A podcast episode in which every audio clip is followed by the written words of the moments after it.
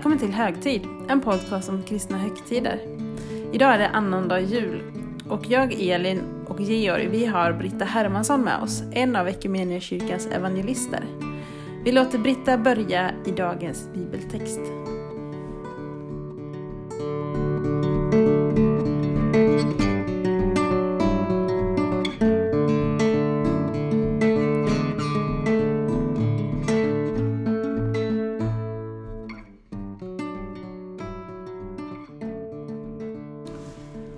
Läser på annandag jultexten ifrån Matteus evangeliet 10, vers 16-22.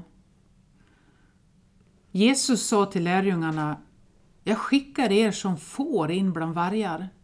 Var därför kloka som ormar och oskyldiga som duvor. Akta er för människorna. De ska utlämna er åt domstolar och de ska piska er i sina synagogor och ni kommer att ställas inför ståthållare och kungar för min skull och stå som vittnen inför dem och hedningarna. Men när man utlämnar er, bekymra er då inte för hur ni ska tala eller vad ni ska säga. Ty i det ögonblicket kommer det ni ska säga att läggas i er mun. Och det är inte ni som talar, utan er faders ande talar genom er. Broder ska skicka broder i döden och en far sitt barn. Barn ska göra uppror mot sina föräldrar och bringa dem om livet. Ni ska bli hatade av alla för mitt namns skull, men den som håller ut till slutet ska bli räddad.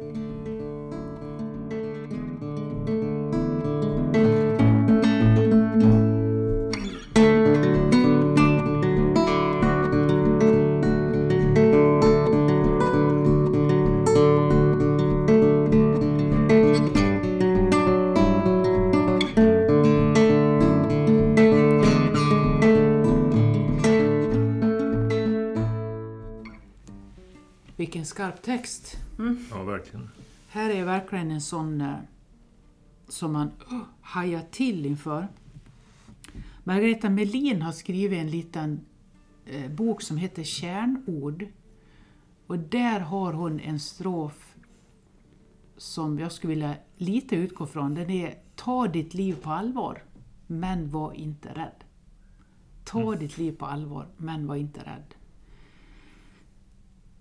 Jag eh, var med om en annan dags insamling en gång och så var det en god vän till mig som var på ett annat ställe och var med om ungefär samma sak. Och när han berättade om sin upplevelse så såg jag med glimten i ögat och jag hörde det han berättade att det här hade han lite sett igenom. Och det var ju den här, de här texterna.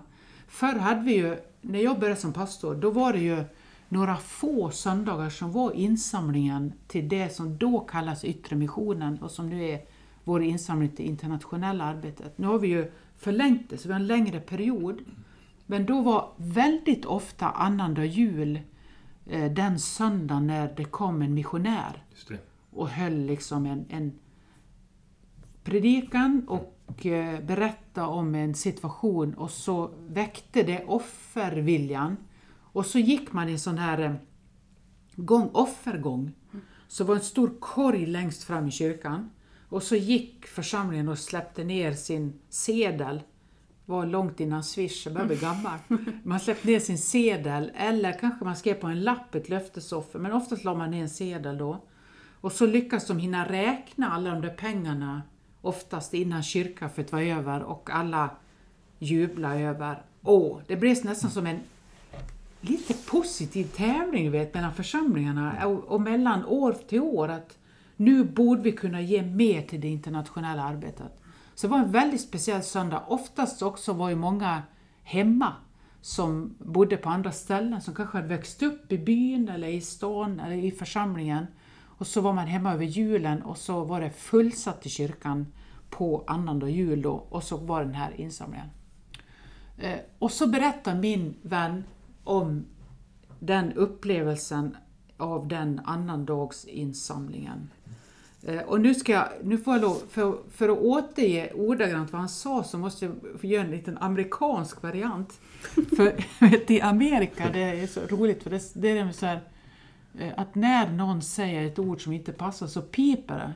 Pip! Mm. Sådär, va? Och jag känner att jag, jag är inte riktigt så frimodig utan jag får lov att ha eh, jag skulle kunna säga This is an adult conversation for adult people in an adult language som en del poddar säger för att liksom skyla över att det kommer svordom. Men ni, ni kan slappna av. Jag säger pip där istället så får ni fylla i själva vad ni tycker var passande i den här berättelsen. Eh, min gode vän berättar att han är på en annandagsinsamling. De är och hälsar på i, i hans frus hemmaförsamling.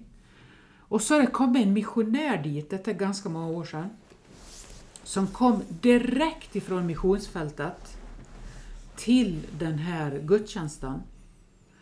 Och eh, hade varit med om en fruktansvärd situation i det landet. Där verkligen människor hade farit riktigt illa och eh, en del blivit dödade. Så han hade, han hade varit med om en total katastrof. Eh, Och kom liksom nersläppt från det till gudstjänsten för att liksom ge en appell till annandagsinsamlingen. Och han hade inte gjort någon debriefing innan. Som kanske är bra när man varit med om så fruktansvärd sak.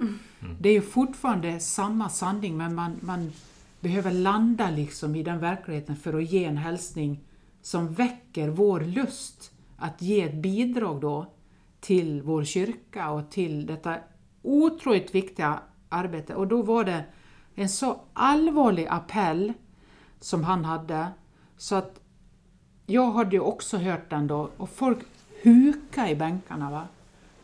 Och eh, väldigt mycket gick ut på att vi hade köpt så enormt med julklappar och här sitter vi och tror att livet är så gulligt. Ja, det var enormt. Alltså så här för att jag var helt förtvivlad över det han sett och kände att han kunde koppla det till våran idyll. Och så eh, hade min gode vän då hört den appellen också. Eh, och eh, så är det dags för offergången. Det är annandag jul och den här texten vi nyss har, lä- har läst säger ju att nu är det allvar. Va? Eh, och eh, det är ju, alla känner ju liksom skulden av hur har vi hanterat julen och vad vi spenderar våra pengar på. och Allt det där som kan väckas då. Och så ser han hur hans fru tar upp plånboken och börjar leta liksom, för att det är dags. De hade inte tänkt igenom det riktigt innan, det kom lite plötsligt. Och då lutar han sig över henne, han berättar detta för mig sen. Då lutar han sig över henne när hon sitter och bläddrar bland sedlarna och har fått detta skarpa budskapet. Och så säger han bara Släng i hela plånboken annars går det åt pip för oss.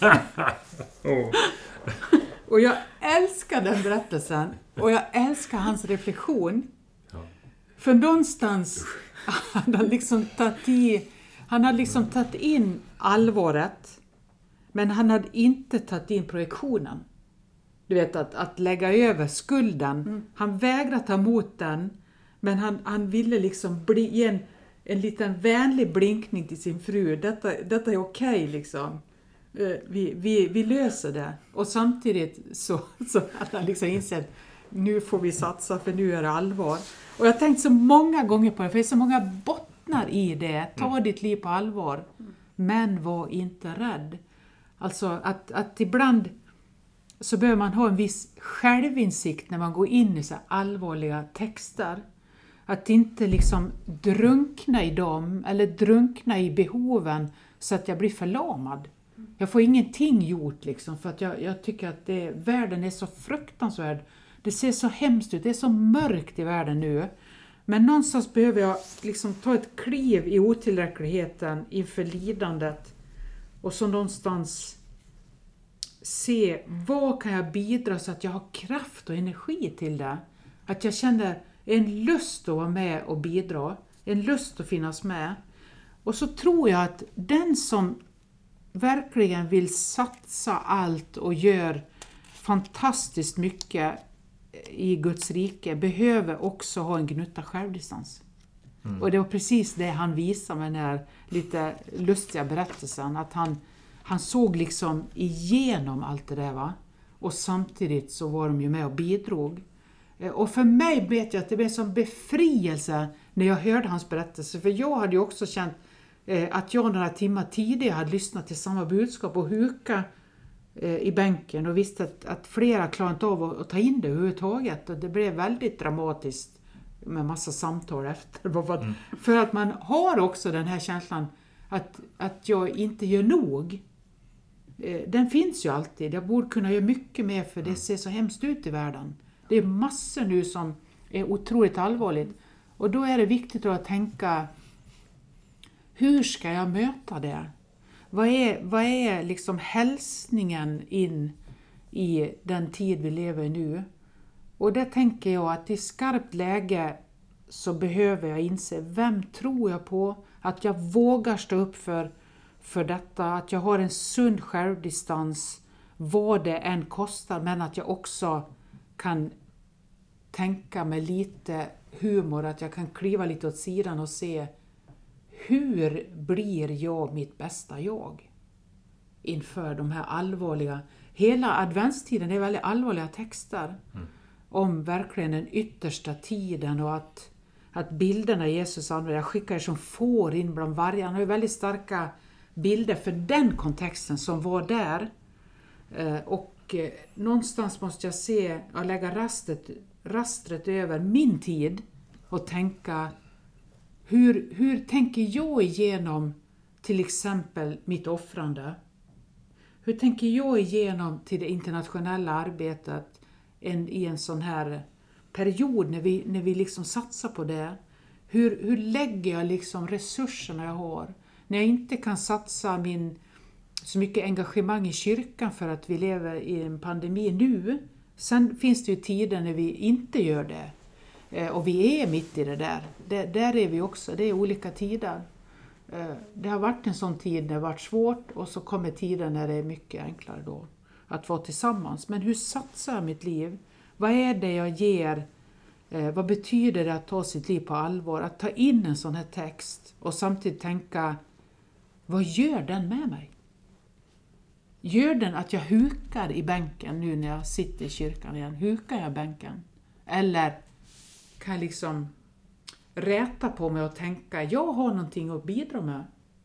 Jag har en liten broderad tavla hemma hos mig som jag fick med posten.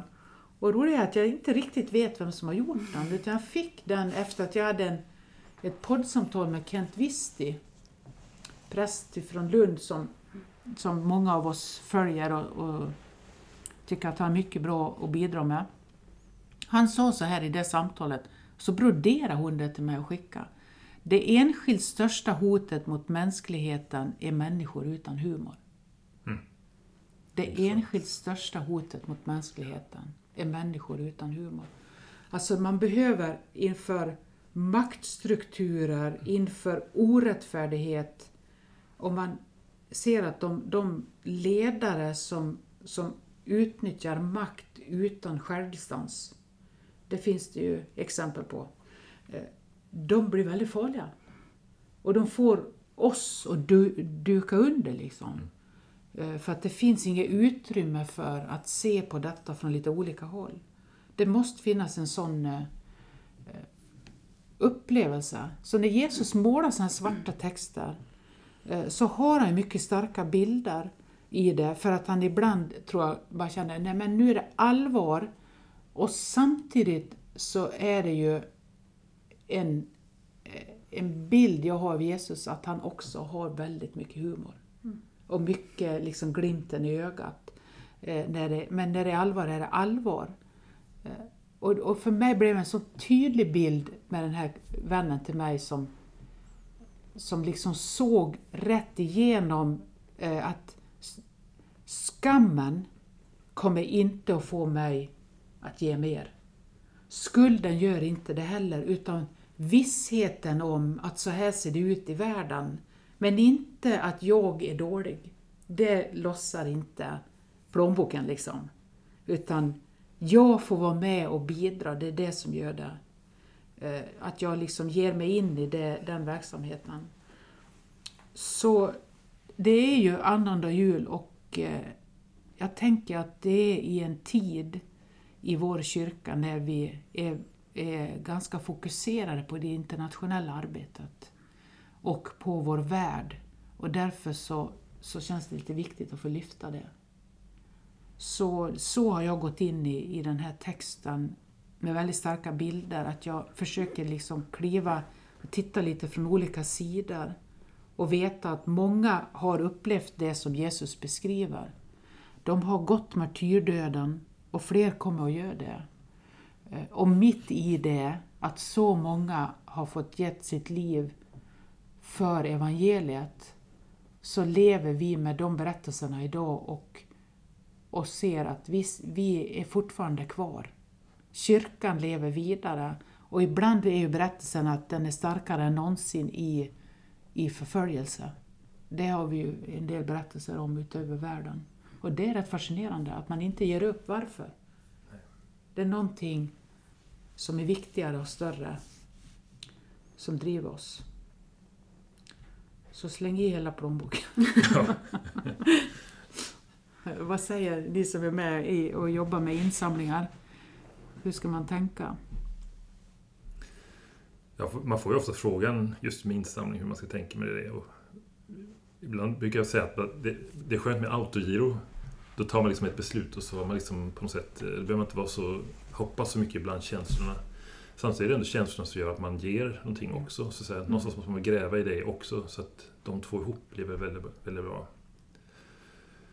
Men, eh, men jag minns också de här gångerna man, vid annandagsinsamlingen, och det var ju också att man hade en lilla man vek ihop en liten insamlingsbox och så hade man mynt i den. Och så bar man ju fram den och ställde den, jag tror man ställde på altaret, eller det med ett stort bord där. Så jag har också en sån tydlig bild av just den där offergången från annandagsinsamlingen. Man hade ju den där lilla spårbössan hemma över adventstid. Man fick mm. ju en sån hem. Ja. Tror jag. Mm. Man vek ihop, vek och... Ja. Precis. Typ som fastinsamlingen och också inför. Jag tror man hade. Mm. Ja. Ja, det är, det är en viktig tid och, och den blir bara viktigare och viktigare att, eh, att verkligen eh, ha en sån... Det, det kanske man skulle kunna säga också utifrån de här texterna som är i adventstid och in i, i julen och, och med konsumtionen och, och, allt som är. Va? Att man kunde lägga det rastret över, jag skickar er som får in bland vargar. Alltså att det, det är bilderna från den tiden och så tänker jag, vad hade Jesus använt för bilder idag? Mm. Mm.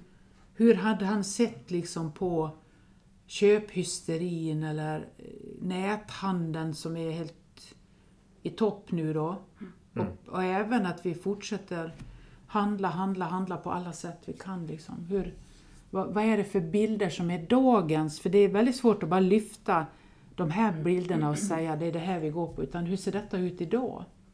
Det tror jag man måste ha med sig in i de här skarpa texterna. Eh, att både se att en del har, har varit med om det här, att de har dragits inför domstol och piskats och blivit oskyldigt dömda för att man har gjort gott. Men, men hur ser det ut idag? Mm.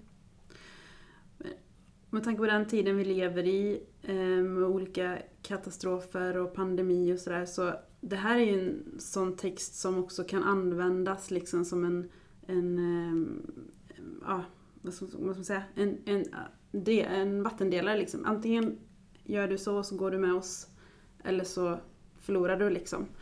Ehm, och i, i kyrkor, i olika sammanhang och i olika samfund används den här texten på olika sätt. Liksom. Vad tänker du om det? Ja, jag tycker det är lite skrämmande. Mm. Eh, det är det jag tänker att man måste lägga dagens raster över den för att det blir en väldigt eh, eh, dömande attityd, liksom, att man delar upp människor för och emot och du är med och du är inte med. Man, ja. man har hört ganska många gånger liksom, att vi lever i den yttersta tiden. Liksom, mm. så. Där snart vet vi sanningen. Och det finns ju också de kristna som efter, eller söker efter det här svarta och vita och går rakt in i bibeltexten och så. Jag brukar ofta säga så här, eh, och eh, det, det är min, min väg just nu. Har varit ganska länge och den, bara, den blir starkare med det är ju att jag läser det som står på raderna men jag lever mellan raderna. Alltså att jag, jag försöker tolka det som står där in i vår tid och mellan raderna finns nutiden. Eh, vår berättelse idag. Det är ju den där klassiska lappen Din mamma jobbar inte här Mm. i ett kök. Eh, nej, hon jobbar inte här. Det är ju bostadstroende. Mm. Vem tror att hon jobbar här?